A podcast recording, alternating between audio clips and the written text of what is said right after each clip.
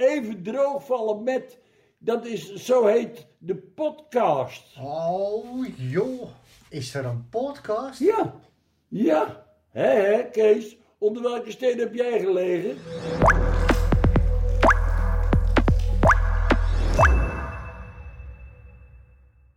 Welkom bij een nieuwe aflevering van de podcast Even droogvallen met. Mijn naam is Tamer Populier en samen met mijn collega Tim Haasnoot vallen we vandaag even droog met Adriaan Rijnsdorp. Ja, want Adriaan is ruim 40 jaar werkzaam geweest als visserijonderzoeker. Al blijft hij ook tijdens zijn pensioen nog nauw betrokken. Uh, gedurende zijn loopbaan heeft Adriaan zich vooral gericht op de populatiebiologie van commerciële vissoorten. Uh, met in bijzonder dus uh, de platvis. En daarnaast eh, onder, heb je ook onderzoek gedaan naar de effecten van de visserij op de zee en het leven in de zee. En in deze aflevering gaan we daarom ook uh, uitgebreid hebben over uh, zijn loopbaan uh, en de waarheden, en dan wel onwaarheden van bodembroerende visserij. En sluiten ook af met een blik op de toekomst, hoe Adriaan daar tegen aankijkt. Ja, welkom Adriaan. Um bedankt dat je vandaag wil uh, spreken met ons over jouw ervaring in de visserij uh, als onderzoeker in onze podcast. Um, zoals Tim in de intro uh, al even aangaf, ben je dus echt al vrij lang als visserijonderzoeker aan het werk geweest. Zou je ons wat kunnen vertellen over hoe je terecht bent gekomen in het visserijonderzoek? Dat was in 1980 en het was heel toevallig. Ik was dat jaar afgestudeerd als ehm, dierenecoloog eh, aan de Universiteit in Groningen. En ik heb in mijn studie heb ik aan torenvalken en aan kevers gewerkt. En ik wilde heel graag onderzoek doen. En maatschappelijk relevant onderzoek, dat vond ik eigenlijk nog helemaal uh, het leukste als dat zou kunnen. Maar het was ook de start van de toenmalige eh, crisis, eh, begin 80. Dus er waren eigenlijk helemaal geen, geen banen. En toen, zeg maar, bij toeval vond ik een klein advertentietje dat het RIVO een visserijbioloog zocht. En dat was populatiedynamica. Nou, dat was iets wat ik in mijn studie gedaan had. Alleen niet met vissen, maar met andere beesten. Dus ik heb eigenlijk zonder enige uh, hoop of verwachting geschreven. Een klein briefje van nou, wie ik was, Adriaan Rijnsdorp. Ik heb dit en dit gedaan. En ik, ik vind het leuk om onderzoek te doen. En het lijkt me heel, uh, heel interessant om uh, ook aan vissen te kunnen werken. Toen werd ik uitgenodigd op gesprek. Nou, ook eigenlijk weer zonder enige verwachting ga je zo'n gesprek in. Ik dacht van nou, in ieder geval, je moet ergens een keer een eerste sollicitatiegesprek in je leven doen. Dus nou, ik heb dat gesprek gedaan en ik werd aan het eind van de week uh, door Dolph Bolleke gebeld. Van nou, hoe is het uh, weer in Groningen? Schijnt zonnetje ook bij jou? Van gefeliciteerd, je mag komen. Nou ja, toen viel ik wel ongeveer van mijn stoel, want dat was echt iets wat ik niet had verwacht. Maar dat was natuurlijk een superleuke en mooie uitdaging. Dus ik ben uh, met, eigenlijk met heel veel plezier in Muiden begonnen. En na een jaar kreeg ik de mogelijkheid om eigenlijk wat ik het liefste wilde doen, om met mijn torenvalken door onderzoek te kunnen doen in Groningen. Toen was er eindelijk was daar geld voor, voor vier jaar. En toen heb ik toch besloten, ik ga daar niet solliciteren. Ik blijf bij uh, de visserijbiologie. Want inmiddels was het me wel duidelijk dat dat eigenlijk een ja, ook zo onvoorstelbaar interessant werkveld is. Zeg maar, de, misschien eigenlijk nog wel, wel, wel interessanter en ook moeilijker dan, dan dat je met vogels of met kevers werkt, omdat je niet ziet wat er gebeurt. Dus je moet, je, je, je haalt een vangst op en dan ligt daar een hoeveelheid vis en bodemdieren ligt op dek van. En je doet een volgende trek, dan ligt er weer iets, dat is ietsje anders.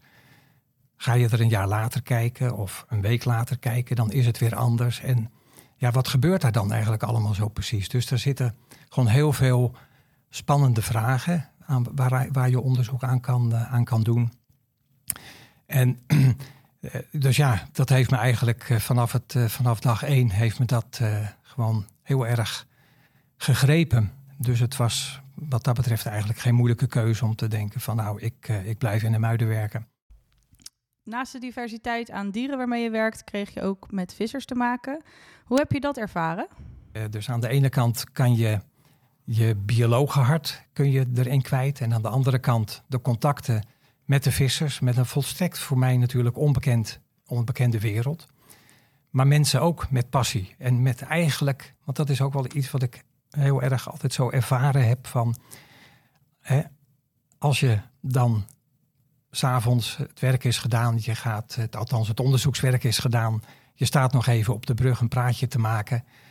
En dan, dan, kom, je, dan kom je over ja, van alles en nog wat te praten, maar dan hoor je dus eigenlijk de waarnemingen van die vissers, die natuurlijk ook iedere keer weer dingen zien. Wat gebeurt hier nou precies? Die hebben ook hun vragen van, van wat, wat, wat, wat, wat gebeurt er nou eigenlijk onder zee? Wat voor vragen kreeg je dan zoal van vissers? Een heel duidelijk voorbeeld is van dat, dat als je dan met ze praat en dan beschrijven ze, oké, dan heb je een, uh, je hebt een goede visserij op een bepaalde plek en je hebt en dat ging dan met name in de tijd van dat die boomkorvisserij nog enorm in ontwikkeling was. Dat er nog geïnvesteerd werd in grotere schepen, sterkere motoren, hogere snelheden. en dat een visser dan beschreef, en dat heb ik later bij anderen ook gehoord, van ja, dan heb je een goede visserij, maar dan komt er zo'n nieuwe kot erbij. En ineens is het weg. Dan kan je gewoon wel vertrekken, want je vangt niks meer. Die andere kotter die blijft daar gewoon rustig vangen. Maar ik kan die vis niet meer, eh, niet meer te pakken krijgen. Om ze te blijven vangen, moet je dus eigenlijk, of als je die vangstefficiëntie omhoog wil houden, moet je eigenlijk steeds sneller gaan. Omdat die vis, die leert gewoon die boomkortuigen te ontwijken. En dat dus een klein schip, die vis die wordt alerter. Dus die weet zo'n klein, langzaam varende tuig, weet die makkelijker te ontwijken dan wanneer er een groter tuig is. En dan krijg je dus van dat die ene schipper gewoon iets, een eigen plekje zonder andere schepen moet zien te vinden. En die grotere, het, het, het, de schipper met een groter tuig, met een, met, met, met een sneller, uh, sneller, hoe heet dat, de hogere snelheid, die kan daar dan nog wel goed, goed vissen. Dus dat, dat, dat is het is eigenlijk... een continue strijd eigenlijk tussen de vis en het vistuig. Ja, en, en, en daarmee ook tussen vissers. Ja. En dus we hebben natuurlijk een, een soort van wapenwetloop gehad in begin jaren 60 toen die boomkor geïntroduceerd werd. En dat, uh, ja, ze beginnen met kleinere schepen, met, met, met relatief kleine boomkorretjes, met een, een, een, niet al te groot aantal wekkers. Als je, als je investeert in een groter schip, dan ga je wat meer, uh, dan ga je wat meer vangen. Dus er is een, eigenlijk toen een, een hele snelle ontwikkeling geweest om steeds grotere schepen, steeds efficiënter ook. Die feitelijk die andere, kleinere schepen die daar niet in meegingen, gewoon, ja, die werden gewoon weggeconcureerd. Ja, dus die visserij die heeft jou ooit gegrepen en sindsdien eigenlijk niet meer losgelaten. Uh, ja, je hebt uh, natuurlijk eigenlijk door de jaren heen kunnen ervaren wat er in die visserij zoal veranderd is. Wat zijn in jouw uh, idee de, de grootste veranderingen die zich hebben voorgedaan in die Nederlandse visserijvloot? Ja, wat heel opvallend is, is natuurlijk van de relatie die je als visserijonderzoeker hebt met, uh, met, met de vissers. Dus in 1980, uh, nou ja, quotering is natuurlijk helemaal, is gewoon nergens voor nodig. Dat willen we helemaal niet. En, dus er waren natuurlijk altijd, was er gewoon heibel tussen de onderzoekers en de, en de sector. Als er weer vangstbeperkend, zeg maar dat onze uh, schattingen van bestandsschattingen weer lager uitvielen. De quota werden, uh, bij, naar beneden werden bijgesteld. Van, uh, dan, dan kwamen de visserijvertegenwoordigers weer in de muiden langs. Die sloegen met hun vuist op tafel van nou dat kon toch echt zo niet. En dus dat heeft wel de nodige jaren gekost, zeg maar, om um, vertrouwen te winnen met elkaar. En dat het gewoon goed is om met de visserijonderzoekers ook samen te werken, omdat je uiteindelijk met wetenschappelijke gegevens beter je belangen kan verdedigen dan alleen maar uh, met je hak in het zand te gaan, uh, gaan staan, zonder dat je kan, mee kan argumenteren met de politiek, waar uiteindelijk die argumenten, die wetenschappelijke argumenten, altijd ook wel natuurlijk op tafel komen te liggen. Dus dat heeft wel een, een belangrijke, dat is een belangrijke verandering. En natuurlijk ook zeg maar de, de, de, de, hele grijze aanvoer die we in de jaren tachtig hadden. En de sanering van de vloot, van dat uh, de schepen die eigenlijk onvoldoende vangstrechten hadden, natuurlijk uiteindelijk uitgesaneerd zijn. Uh, en dat we de biesheuvelgroepen hebben gekregen, waardoor er een, een systeem was dat ook de visserij zelf zeg maar, de verantwoordelijkheid kon nemen voor, uh, voor, voor het, het, het, het, het vissen binnen binnen de, eh, binnen de grenzen.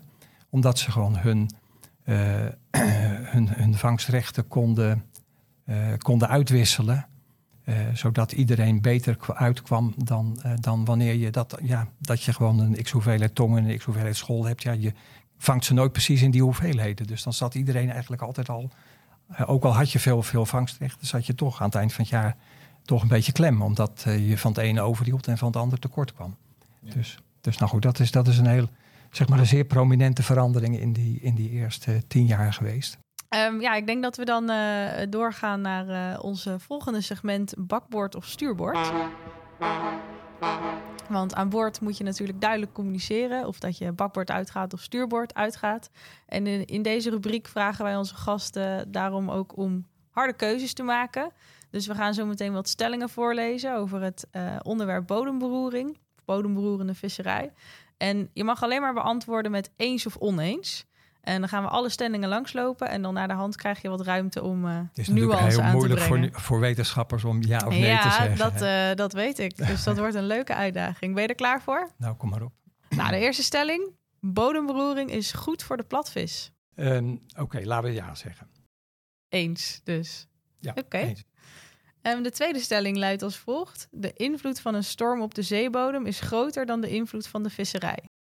Ja, dit is, dit is ja en afhankelijk waar je bent is het ja of is het nee. Oké, In, in ondiep gebied is het ja, in diep gebied is het, eh, is het nee. oké. Gaan we het zo nog even verder over hebben, Ja. denk ik, eh, met Tim. Eh, de laatste stelling is... de sleepnetvisserij heeft een negatieve impact op het bodemleven. Ja, Oké. Volgens mij hebben we dan op alle stellingen een ja. Volgens mij is het gewoon gelukt om eh, eh, Ja. redelijk scherp eh Redelijk scherp ja, eh, ja te zeker. krijgen. Goed Maar gedaan. goed, ik, ik zag je bij de eerste al, bodemberoering is goed voor de platvis. Daar moest je even goed over nadenken. En toen kwam je uiteindelijk met eens. Maar ik voel dan alles, daar wilde jij wel even een nuance in aanbrengen. nou ja, kijk, goed en kwaad is natuurlijk, dat zijn een soort waardeoordelen. Eh, dus dat is even waar ik ook een beetje mee, eh, mee zat van eh, hoe willen we dan goed definiëren. Maar dan neem ik, heb ik het eigenlijk uitgelegd van oké, bodemberoering heeft een positief effect op het voedsel voor platvis. En dat is ook, ook dat is niet waar in zijn algemeenheid, maar in het gebied waar we, met, met, waar we op school en tong vissen in de, in de zuidelijke Noordzee, relatief ondiep eh, water, wat ook heel dynamisch is, waar ook de, de, de zeestromen een grote, grote invloed, eh, invloed heeft. Daar is het, eh, het is niet keihard aangetoond, we hebben er heel veel werk aan gedaan, maar we kan, ik durf niet te zeggen van dat we het nou keihard onomstotelijk hebben aangetoond, maar het is wel aannemelijk, zeer aannemelijk dat eh, de bodemverstoring met, eh, met de sleepnetten een verschuiving geeft in de samenstelling van je bodemleven in de richting van de soorten die juist voor, voor platvis goed voedsel is. En daarom dus heb ik daar goed op ja op geantwoord. Ja, dus in, inderdaad, de, de nuance zit hem inderdaad voor, voor dit systeem, voor waar de Nederlandse platvisvloot voornamelijk actief is. Ja. Daar zie je dat eh, het een positief effect heeft qua voedselaanbod Ja. voor de soorten waar de Nederlandse visserij, in ieder geval met name dan de kottervisserij, Ja. gericht op vist. Ja. Oké. En eh, ja, de tweede stelling, daar begon je eigenlijk al gelijk met een nuance. Dus eh, de invloed van een storm op de zeebodem is groter dan de invloed van de visserij. En daarbij gaf je eigenlijk al heel erg aan van dat is afhankelijk van de plek die je in zee kiest. Ja, want uiteindelijk de storm, als je op water zit van, van 100 of 200 meter diepte, ik bedoel, daar zal een storm gewoon nauwelijks de zeebodem of niet de zeebodem bereiken. Dus dat is in ondiepe water dat eh, dat wel eh, kan, kan gebeuren. Dus als je in het ondiepe gebied zit in de zuidelijke Noordzee, daar is, die, eh, daar is de golfwerking van stormen heeft effect op die zeebodem. Die wordt gewoon opengemaakt en eh, er is zandtransport en, eh, en alles. Dus als je dan de effecten in die gebieden wil, eh, wil, wil bestuderen van, van als je daar met een sleepnet over die bodem gaat, dan moet je gewoon rekening houden ook met de de effecten van de natuurlijke processen die die bodem beïnvloeden. Maar als je in dieper water gaat, dan wordt de invloed van de natuurlijke verstoring wordt steeds minder. En dan zie je ook dat die bodems m, m, natuurlijk fijn, fijne sediment, modderiger worden. Hè, dat kan daar gewoon rustig uit, eh, uitzakken. En in de ondiepere gebieden waar die stormen en die, de, de, de zeestromen wel effect hebben, daar heb je natuurlijk allemaal wat grover, eh, wat grover eh, zandige, eh, zandige bodems. En eh, als je dat eh eventjes eh, betrekt op de Noordzee en dan met name de, de zuidelijke Noordzee. Je zou kunnen zeggen dat is een relatief ondiepe zee. Daar is het dus heel lastig om vast te stellen wat het effect inderdaad van zo'n bodemberoerende vistechniek is. Omdat je inderdaad dus die natuurlijke factor heel sterk ook Ja, hebt. er is natuurlijk heel veel onderzoek de afgelopen 10, 20, nou wat is het, wel 20, 30 jaar misschien al wel, gedaan naar ehm, effecten van, eh, van sleepnetvisserij op, die bodem, op het bodemleven. En het is dus heel moeilijk om daar hele harde, eh, harde uitkomsten te krijgen die heel duidelijk zijn. Dan, en dus je kan, je, we weten dat als je met een, met een wekkertuig over de zeebodem gaat, dat je met die wekkers bodemdieren uitgraaft, bodemdieren kapot maakt. Dus die gaan dood. Wat, wat de mate van, van, van verstoring, hoe ernstig dat, dat nou is, als je dat dan gaat bekijken, dan, dan komt dat er in de, in de gegevens helemaal niet zo sterk, niet zo sterk uit. En de andere kant van de zaak is, wat eigenlijk het, wat dan ook weer daar een, een, een uiting van is, van dat ehm, ze hebben onderzoek gedaan bij een van de eerste windmolenparken die voor de kust gebouwd is. En hebben ze vijf jaar lang eh, de, de, de bodemdieren in het park en daarnaast, die wel bevist werd, eh bemonsterd. En dan zou je zeggen, oké, als die visserij een negatieve invloed heeft op de samenstelling van, eh, van dat bodemleven, dat soorten daar niet kunnen overleven met visserij, die zouden dus dan terug moeten komen of moeten toenemen als je die visserij weghaalt. En daar kwamen ze na vijf jaar ook niet tot duidelijke, duidelijk verschillen tussen het gebied in, die, in het park en daarbuiten. Dus wat gebeurt daar? Ja, het is dus blijkbaar toch nog zo enorm dynamisch dat, dat zelfs met vijf jaar sluiting van in, in, in dat windpark, dat, dat je dat nog steeds niet, eh, niet zichtbaar kan maken. Maar dat lijkt me ook wel heel erg eh, frustrerend als onderzoeker als je gericht bent inderdaad om alles toch zo goed mogelijk uit te zoeken. Dat je eigenlijk daar heel lastig eh, een vergelijking kan maken. Ja. Ja, nee, dat, dat is gewoon heel frustrerend. En dat geeft natuurlijk ook, ook voeding, want dan kan iedereen die een bepaald belang in zijn hoofd heeft, natuurlijk altijd die onzekerheid die je dan hebt, hè, eh, gebruiken. Want ik, een visser gebruikt het voor, voor, voor zijn belangenbehartiging en een natuurbeschermer gebruikt het voor zijn belangenbehartiging. En je kan er verhalen bij bedenken van nou, het zou op deze manier, eh, dit kan de oorzaak zijn, of kan, dit kan de een andere verklaring, of nog een derde verklaring. Ja, daar ben je. eh, Maar goed, als. En, zeg maar, en ik- iedereen kijkt naar jullie om het antwoord. Ja, nou ja, goed. En dat. eh, je moet toch ook dan zeggen van. Nou, op, op een aantal vragen kunnen we gewoon geen, eh, geen sluitende antwoorden nog geven. Ja, nou, da- dan ben ik benieuwd eh, hoe dat dan bij de derde stelling ervoor staat. Want die stelling luidde: de sleepnetvisserij heeft een negatieve impact op het bodemleven. En daar antwoordde jij inderdaad van: nou, dat is waar, dan wel juist. Ehm, maar ook daar zit een, eh, een nuance, eh, neem ik aan. Ja, kijk. het, is, ehm, het is zo van dat er. In die bodemdiergemeenschap zijn er soorten die een lang leven. Of die lang, eh, langlevende diersoorten. En dan de Noordkromp wordt vaak ge- gebruikt. Vissers die Dat is een Die- schelp, toch? Dat was een grote schelp. Beetje een grote, stevige, ja, donkerblauw-zwart, beetje mosselkleur. Ehm, dus ik bedoel, die leven heel lang. Die kunnen honderden jaren oud worden. En die zitten vrij oppervlakkig. Dus op het moment dat je daar met wekkers gaat vissen, dan beschadig je een aantal van die, eh, van die noordkrompen. Een aantal die zullen het niet overleven. Een aantal worden beschadigd, maar kunnen dat repareren. Want dat hebben onderzoekers ook aangetoond dat ze dan dus de, zeg maar de, de, de breuken in de schelp, eh, de herstelde breuken in de schelp nog weer kunnen teruglezen. Eh, ook, want ook die schelpen die groeien ieder jaar weer, worden weer een klein beetje groter. Dus dat eh, kun je dus dan op die manier kun je dat dan, dan meten. Ehm, die soorten die zijn afgenomen in, in de loop van, van, van de tientallen jaren dat er sleepnet, sleepnetvisserij is. Dus, dus zeg maar voor dat type dieren die daar van nature thuis horen en daar leven, ik bedoel, daar heeft sleepnetvisserij een negatief effect. Die populaties die worden teruggedrongen of verdwijnen misschien zelfs helemaal. Aan de andere kant creëer je ruimte van, want er is evenveel voedsel, want dat komt allemaal van boven naar beneden. Uh, dus er is voedsel wat niet meer gebruikt wordt door de soorten die teruggedrongen worden, waar andere kortlevende, opportunistische soorten weer gebruik van kunnen maken. Nou, en dan, dat zijn dus typisch dan weer de soorten die schol en tong eten. Dat zijn vaak de, die eten graag uh, wormpjes die snel groeien en, en, en uh, kleinere schelpdiertjes en zo.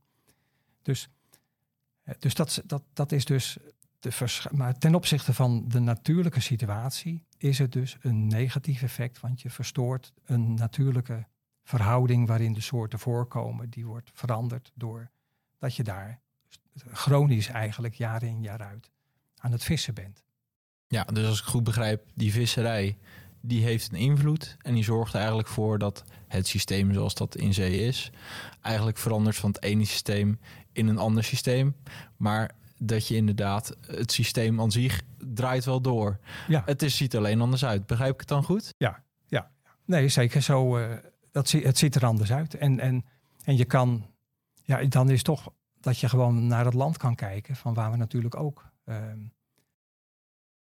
de natuurlijke landschappen die we natuurlijk ooit hadden toen hier uh, een handjevol mensen woonden, dat, dat landschap is natuurlijk ook volledig, uh, volledig veranderd. En daar is het natuurlijk zo dat je een mozaïek hebt van, van, van cultuurlandschap. En ik wil niet zo zeggen van dat je nou, daar, daar moet je, zo moet je denk ik niet naar de zeebodem kijken, dat dat een mozaïek is van, van zeg maar een, cultuur, uh, een cultuurlandschap. En we beginnen steeds meer zeg maar, te begrijpen van, van die hele, um, ja, die gedetailleerde, uh, eigenlijk dat gedetailleerde onderwaterlandschap. Hè, dat, daar hebben we veel meer van, weten we nu, dan, dan zeg maar 20, 20 jaar geleden.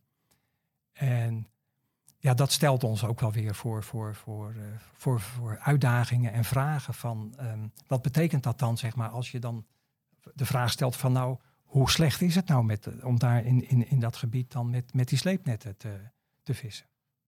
Ja, dus dat vereist eigenlijk wel echt maatwerk om. Uh... Ja, en, maar wat dus belangrijk is, is van dat je van de verschillende leefgebieden uiteindelijk voldoende oppervlakte nodig hebt om uiteindelijk die natuurwaarden die je, waar we gewoon als, als samenleving afspraken met elkaar over hebben gemaakt, dat we die uh, op een bepaald niveau willen, willen, willen veiligstellen, om dat te kunnen realiseren. En de discussie, als het dan gaat over sleepnetvisserij, is van dat er dus partijen zijn die zeggen, sleepnetvisserij is gewoon slecht, dat moet gewoon verdwijnen. En aan de andere kant kun je zeggen van ja, is, het, is dat nou werkelijk proportioneel met, met de effecten die sleepnetvisserij op die zeebodem heeft? En dan sta ik meer aan de kant van dat je gewoon nauwkeuriger moet kijken van wat zijn nou die effecten? En dat je, uh, dat je dus daar waar de effecten het grootst zijn, dat je maatregelen moet nemen. Um, maar dat dat niet per se alleen maar gesloten gebieden zou hoeven te zijn. Zeg maar in, in de jaren negentig was dat de discussie van er was dan er moeten gesloten gebieden komen. Om, om die natuur te beschermen, omdat het anders gaat het volledig mis. Toen lieten ja. we zien dat er al allemaal plekken zaten waar de visserij niet of nauwelijks kwam. Dus dan kan je zeggen, die natuurgebiedjes die lagen er al blijkbaar. He, dus, um, maar wat, op wat voor manier um, kun je nou dan zeg maar de invloed, he, die negatieve invloed die sleepnetvisserij heeft, ik wil dat, dat, is gewoon, dat is gewoon aangetoond. Maar op het moment dat je de hoeveelheid visserijdruk met een bepaalde techniek zeg maar, op een niveau kan brengen dat niet iedere vierkante meter een x aantal keren bevist wordt, maar dat je bepaalde plekken hebt die een bepaalde mate van bevissing hebben en andere plekken niet, nou, dan, dan heb je een, een, een, een duurzaam, dan, dan heb je een systeem wat duurzaam genoeg kan zijn. Ja, dus je, wat dat gaat, zeg jij, het sluiten van een gebied is niet de enige oplossing. Er zijn meer handvatten als je op een bepaalde manier dat wil gaan beheren. Ja, dus gebiedssluitingen, die moet je in eerste instantie inzetten voor de dieren die zo kwetsbaar zijn, dat als je daar vist, dat je dan die dieren daar, eh, zeg maar, hun levens, overlevingsmogelijkheden wegneemt. Ik wil dan eh, dus eh, koudwaterkoraalgebieden of, of gebieden met waar heel veel ehm, zeg maar, dieren op die zeebodem leven, maar die heel kwetsbaar zijn en een lang leven en dus laag voortplantingsvermogen. Ik bedoel, daar moet je, daar heb je gesloten gebieden voor nodig. En, ze- en bestaan dat soort gebieden nog op onze Noordzee? Nou ja, dat zijn zeg maar de, in, in, in de beleidstermen zijn dat eh, de VME's, de Vulnerable Marine Ecosystems, maar die zitten eigenlijk wat meer ehm, op de rand van het continentale plat. Dus dan zit je meer richting de, de diepzee. Dus we hebben daar niet zozeer in, eh, in, het, ehm, zeg maar in het gebied van, van Schol en Tong eh, mee, eh, mee te maken. Om eventjes eh, terug te komen op die discussie over wel of niet sluiten van gebieden. Eh, een punt wat dan altijd wordt aangedragen is de schoolbox.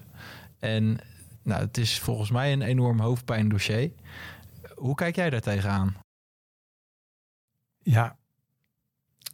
Ehm, ik bedoel, wij waren collectief heel ehm, naïef, kun je zeggen, toen we de schoolbox voorstelden als een, eh, een, een, een goede technische maatregel om de overleving van ondermaatse school te verhogen. En, en wie is we? We, dat ben ik zelf, met mijn collega's eh, toen in de tijd van eh, zeg maar half jaren tachtig.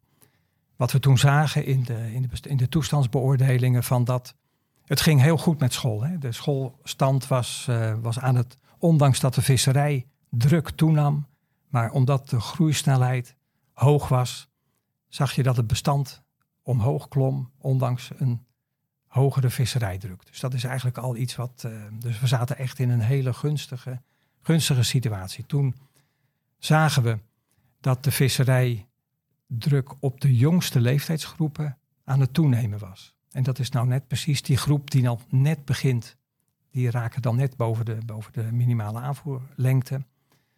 Dus dat, dat betekent, zeg maar, als je ziet dat die visserijdruk op die leeftijdsgroepen toeneemt, dat er dus ook een toename is op de nog ondermaatse dieren van die leeftijdsgroep.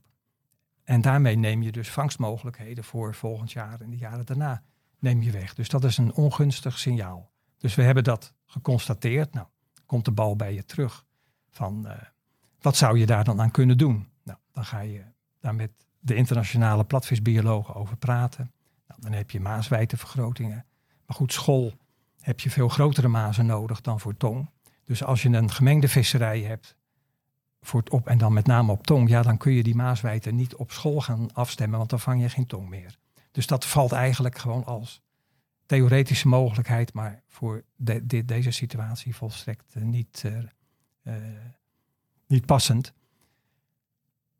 Dan weet je van dat in dat kustgebied van Texel tot aan het puntje van Skagerrak, daar leeft eh, een enorme hoeveelheid kleine jonge scholletjes in het ondiepe water. Die worden daar met name als ondermaatse vis bijgevangen. In de garnalenvisserij en ook in de, in de visserij op, eh, op tong. Dus op het moment dat je nou de visserijdruk in dat gebied terug kan dringen, dan betekent het dat dus de hoeveelheid van die ondermaatse scholletjes, eh, dat die minder wordt. Dus daar hebben we aan gerekend. Nou, daar krijg je dan eh, uitkomsten uit van, nou, dat geeft een verhoging van de opbrengst. En dat kan dus een verhoging op termijn zijn van het quotum. En ook een verhoging van het, eh, van het paaibestand. Dus we waren er als biologen, waren we het er eh, eigenlijk, ja, het is allemaal heel vanzelfsprekend. Zeg maar, dat dat er dan uitkomt, dat kan je eigenlijk al wel op de achterkant van een bierviltje uitrekenen. Maar goed, je moet het wel op nauwkeurig en precies doen. We hebben er met eh, natuurlijk de andere Europese lidstaten is er over gesproken. Er is ook met de visserij over gesproken. En natuurlijk de Urkers, die waren natuurlijk met name de schoolvissers. En die, die zagen daar wel wat, wat, wat in. Want die wisten uit eigen ervaring natuurlijk ook hoe- enorme hoeveelheden ondermaatse school die ze overboord kieperden. En ja, dat geeft toch ook, dat geeft niet echt een, een goed gevoel. Dus uiteindelijk de visserij was er ook voor om dit te doen.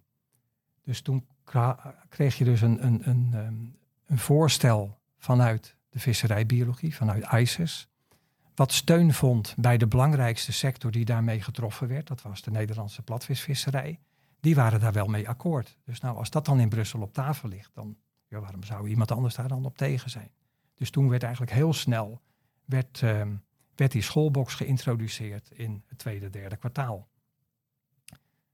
Dan zie je dat in het vierde kwartaal, hè, dus nadat die schoolbox geïntroduceerd werd, in het vierde kwartaal was het een fantastische visserij. Dus er ging zelfs een Arnhemuidense kotter die ging in de schoolbox vissen, die eerste weken. Dus die eerste jaren. Dus dat was eigenlijk, eh, dus- nou we zagen dat allemaal van, nou zie je, het, het, het begint te werken. Maar goed, in het eerste, de eerste weken van oktober zit er nog steeds veel ondermaatse school in dat gebied. Dus ja, dat is toch ook niet iets wat je, wat je dan wil. Dus nou, toen werd de schoolbox het hele jaar rond gesloten. En toen, na een jaar of wat, toen, ja, toen gingen er, kregen we allemaal signalen van waar blijven die scholen nou? De, de, de, de, recruitment nam niet toe. Eh, Dus de, de, de aanwas van nieuwe... ja, de aanwas van, van jonge scholletjes, die, die, die, die bleven eigenlijk uit. En dan ga je verder kijken en dan zagen we dat de groeisnelheid aan het afnemen was. Dat de school, eh, die bleek eh, helemaal niet meer zo stijf in, die, in dat ondiepe gebied te zitten. Maar die, die, die trokken naar, naar eh, dieper water. Dat hadden we nooit nog gezien. En ik we zijn de eerste visserijbiologen in 1890 hebben al beschreven van waar die jonge school zat. Dus dat hebben we vanaf 1890 tot, tot 1990 hebben we dat nooit gezien. En dan zie je in één keer dat die beesten van die lengtes, eh, die, die zaten gewoon veel dieper dan ooit tevoren. Nou, wat, wat gebeurt hier nou? Nou ja, dit is dus het hoofdpijndossier dat je dan...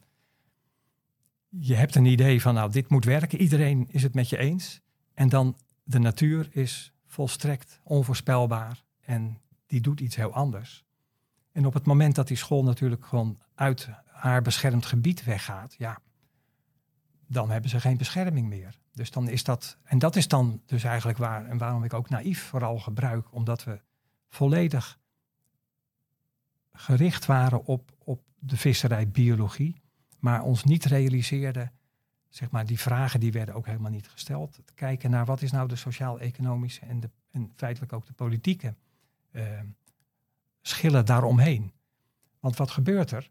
Er wordt een technische maatregel genomen in Brussel, die vooral de Nederlanders raakt, maar die belangen van de kleine kotters voordelig is, want die waren de concurrentie met die grote boomkoorschepen kwijt.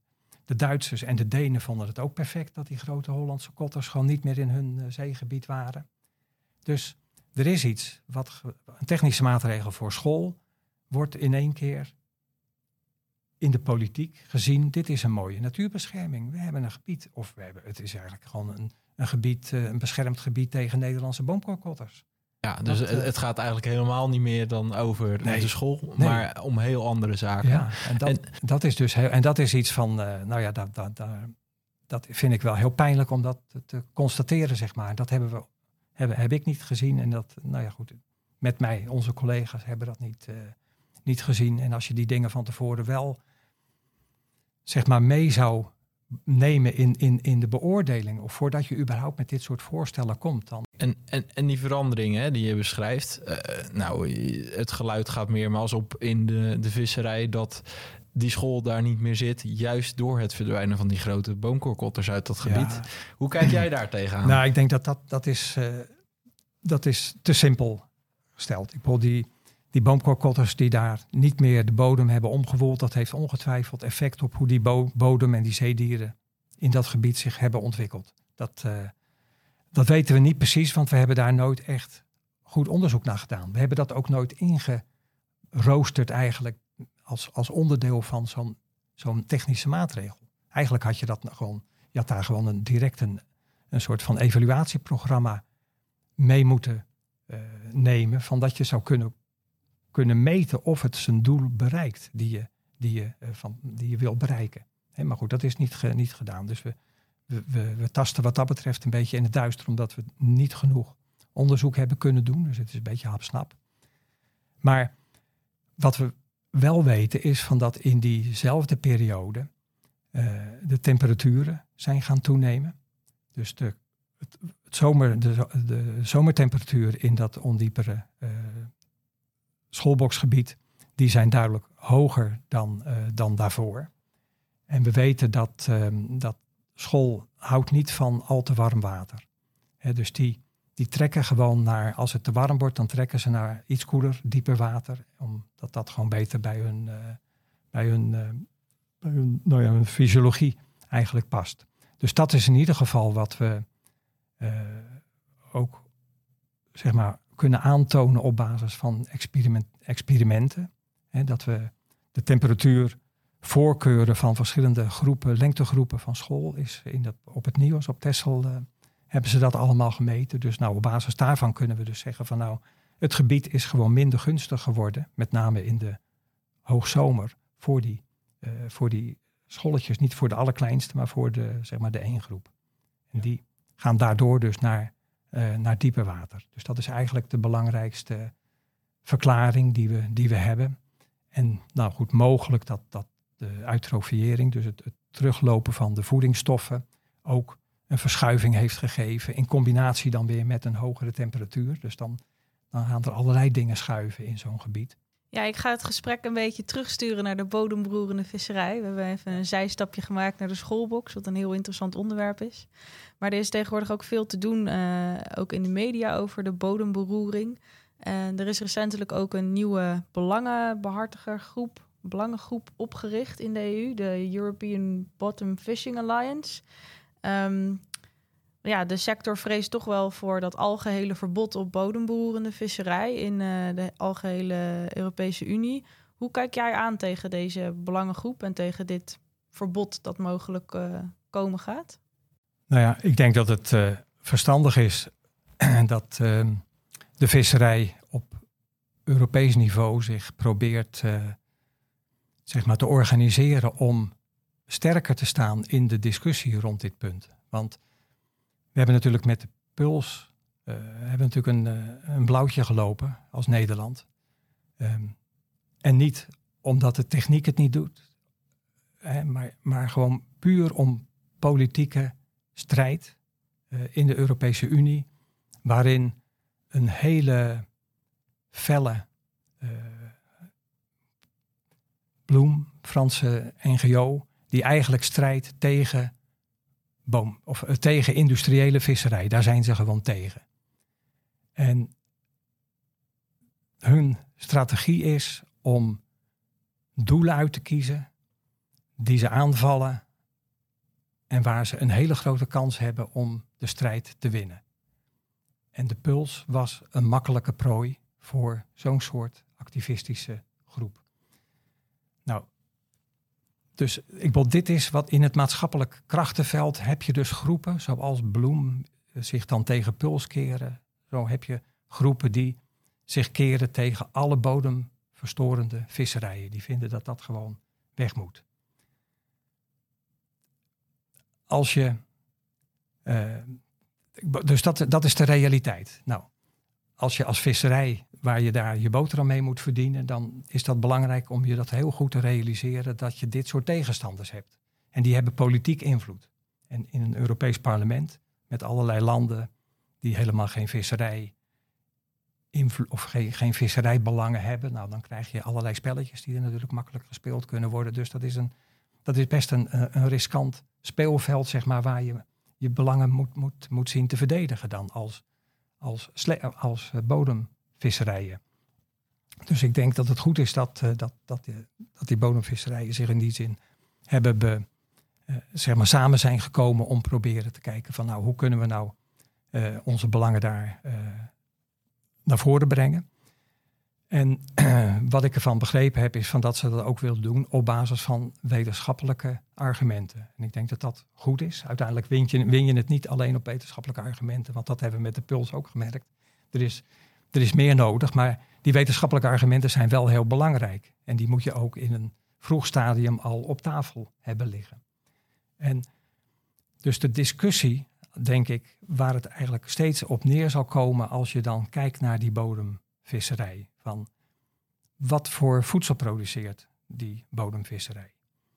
En wat zijn dan de ecologische kosten in de zin van de negatieve invloed die dat dan heeft op het systeem, eh, die daarmee met die voedselproductie die daarmee gepaard gaat. Dat moet je uiteindelijk gewoon in kaart brengen. En dan krijg je dus de afweging van als je dus de eiwitten van die bodemvis die geoogst wordt uit een natuurlijk systeem, als je die eiwitten niet meer via visserij voor de mensheid wil uh, oogsten, maar je wil dat dan, ja, die eiwitten zijn nodig om de wereldbevolking te blijven, te blijven voeden. Dus dat, dat, dat is eigenlijk de, de, de, de, de, de afweging dat je voedselproductie met de ecologische impact van die productiemethode, en dan praten we over de visserij, dat je dat moet, in kaart moet brengen en moet kunnen vergelijken met voedselproductiemethoden op land, die ook natuurlijk hun negatieve invloed heeft op het, uh, uh, op het landecosysteem of op, het, op de totale aarde. Want het klimaat, de klimaatimpact, uh, de CO2-uitstoot, ik bedoel, daar moeten we ook die, die moet ook meegenomen worden. En daar ligt dan naar jouw idee ook de uitdaging inderdaad voor de sector om dat verhaal helder te krijgen en om daar met een goed verhaal ook te komen richting andere partijen. Ja, en ik denk dat het heel goed is dat de sector, eh, en, en dat geldt ook voor individuele vissers, dat ze dat wel, ehm, dat ze niet hun kop in het zand steken. Dat, dat ze denken van nou wat een onzin allemaal en uh, we doen dit toch altijd al en laten we ons gewoon... Uh, laat ons ons gang gaan. Ik bedoel, want dat, zo zit de samenleving niet meer in elkaar. Ik bedoel, als, je, als je dat op die manier doet, nou denk dat je gewoon met die houding kom je er niet. Dan word je uiteindelijk weggevaagd in, in, in het politieke machtsveld wat ik net schetste. Uh, maar als je als sector gewoon laat zien van jongens, dit is wat wij doen. En we staan ervoor en we kunnen gewoon een hele hoop uh, uitermate hoogwaardige eiwitten produceren uit, uit zee op een manier die gewoon een acceptabele hoeveelheid invloed heeft op dat, op dat ecosysteem. Die in ieder geval niet ongunstig afsteekt met wanneer je dat, uh, die, die eiwitten op een andere manier zou, uh, zou produceren. Dus dat is denk ik, uh, dat is de uitdaging, zeg maar, zoals ik het zie, voor de organisaties die dit dan met elkaar afspreken, maar dan ook dat de individuele vissers uiteindelijk wel zich ook uh, zeg maar rekenschap moeten geven en dat ze daar ook in, in mee moeten gaan. En dan, dan kom ik weer op, op, het, op het, helemaal het begin eigenlijk van, van die microverspreiding met het delen van waar vissen jullie nou precies en hoeveel vang je daar nou en het inzicht die dat geeft voor de onderzoekers om, om een verantwoorde, wetenschappelijk degelijke uh, analyse te kunnen doen van wat is nou die invloed van die visserij. Ik bedoel, daarvoor heb je dat soort gegevens nodig. En ja, daar, daar moet je openheid willen geven en ook durven geven, zeg maar, naar de, naar de samenleving. En dat is denk ik ook voor, voor de visserijonderzoekers, zeg maar, de rol eigenlijk. En dan zijn ze een soort van intermediair tussen de sector en die maatschappij. En dat ze de informatie op een bepaalde manier bij elkaar brengen en filteren. Dat je de, de, de, de, de, zeg maar die, die balans kan, kan vinden tussen de effecten voedselproductie, negatieve effecten op het, uh, op, op, het, uh, op het milieu van zeeproductie en van, van landproductie.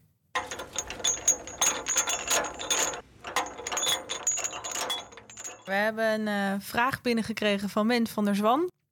Dus laten we even luisteren naar wat Ment heeft gevraagd. Ja, en ik, ik begrijp dat Adriaan een gepassioneerd visserijbioloog is die met pensioen is gegaan. En een prachtig boek heeft geschreven. School in de Noordzee. Staat ook op mijn boekenplank. En ik ben heel benieuwd wat hij nou vindt van de politieke besluitvorming over de pulsvisserij. Nou ja, de politieke besluitvorming is bepaald door de krachtsverhoudingen in het Europarlement. En de standpuntinname eigenlijk van Frankrijk al in een vroeg stadium, voordat, uh, voordat er dus feitelijk de, de, de wetenschappelijke onderbouwing um, vanuit, vanuit ISIS beschikbaar was. Dus de, de politieke um, partijen die hadden, zich, uh, die hadden zich al ingegraven in hun loopgraaf. En die zijn daar niet meer uitgekomen. Dus dat is eigenlijk uh, dat is wat, wat, wat we kunnen zien van wat er gebeurd is. En je kan met terugwerkende kracht natuurlijk zeggen van dat Nederland de zaak gewoon natuurlijk niet echt op een hele slimme manier heeft aangepakt.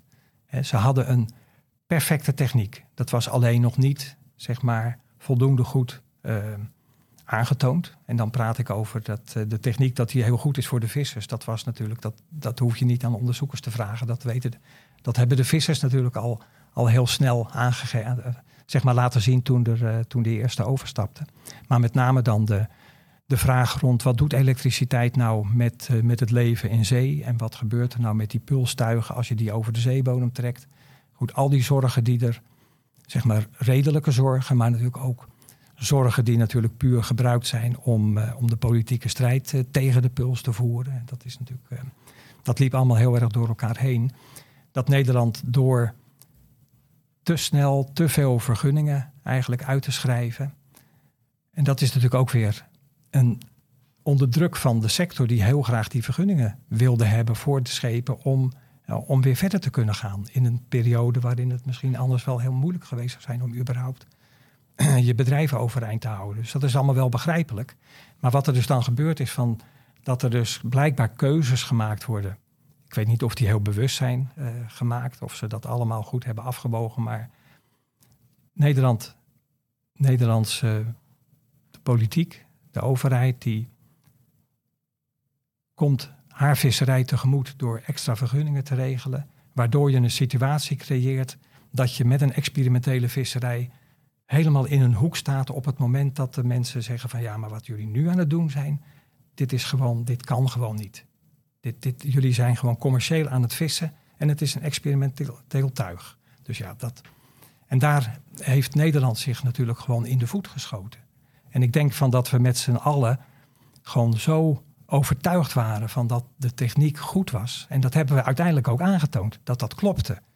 Maar ja, eh, zo werkt het dus niet. Dus je moet je je moet echt heel goed nadenken in, in, in, ja, in die politieke, ehm, maar in de politieke context waarin je als Nederland in een Europese Unie eh, dit soort zaken met elkaar moet regelen. Eh, dat het, als je zelf overtuigd bent van je gelijk, eh, of je het dan zal krijgen van de ander, is nog maar de vraag. Ja, dat denk ik ook. Dat is een goede samenvatting, denk ik, van hoe we er nu voor staan. Ehm, er is tegenwoordig best wel veel te doen over de toekomst van de visserij. Laten we even in een denkbeeldige tijdmachine stappen. Dan stappen we uit in 2050. Waar, eh, waar is de Nederlandse visserij dan, eh, denk jij, tegen die tijd? Hoe staan we er dan voor? Nou ja, ik denk dat eh, in, negen- of in 2050 dat de omstandigheden die tot het pulsverbod geleid heeft, dat die inmiddels vergeten is. En dat we die techniek met nog weer een, een, een verfijning, denk ik, zullen toepassen. En ik denk dat dat met name. De, de reden waarom ik dat zeg is van dat eh, we hebben natuurlijk laten zien van dat het de efficiëntie om die tong te vangen in ieder geval gigantisch verhoogt. En er liggen nog zoveel meer potentiële toepassingen van, van een elektrische prikkel, zeg maar, om, om die bij de, de, de, de, de, de, in de visserij in de Noordzee of ook in andere gebieden te kunnen, te kunnen gebruiken.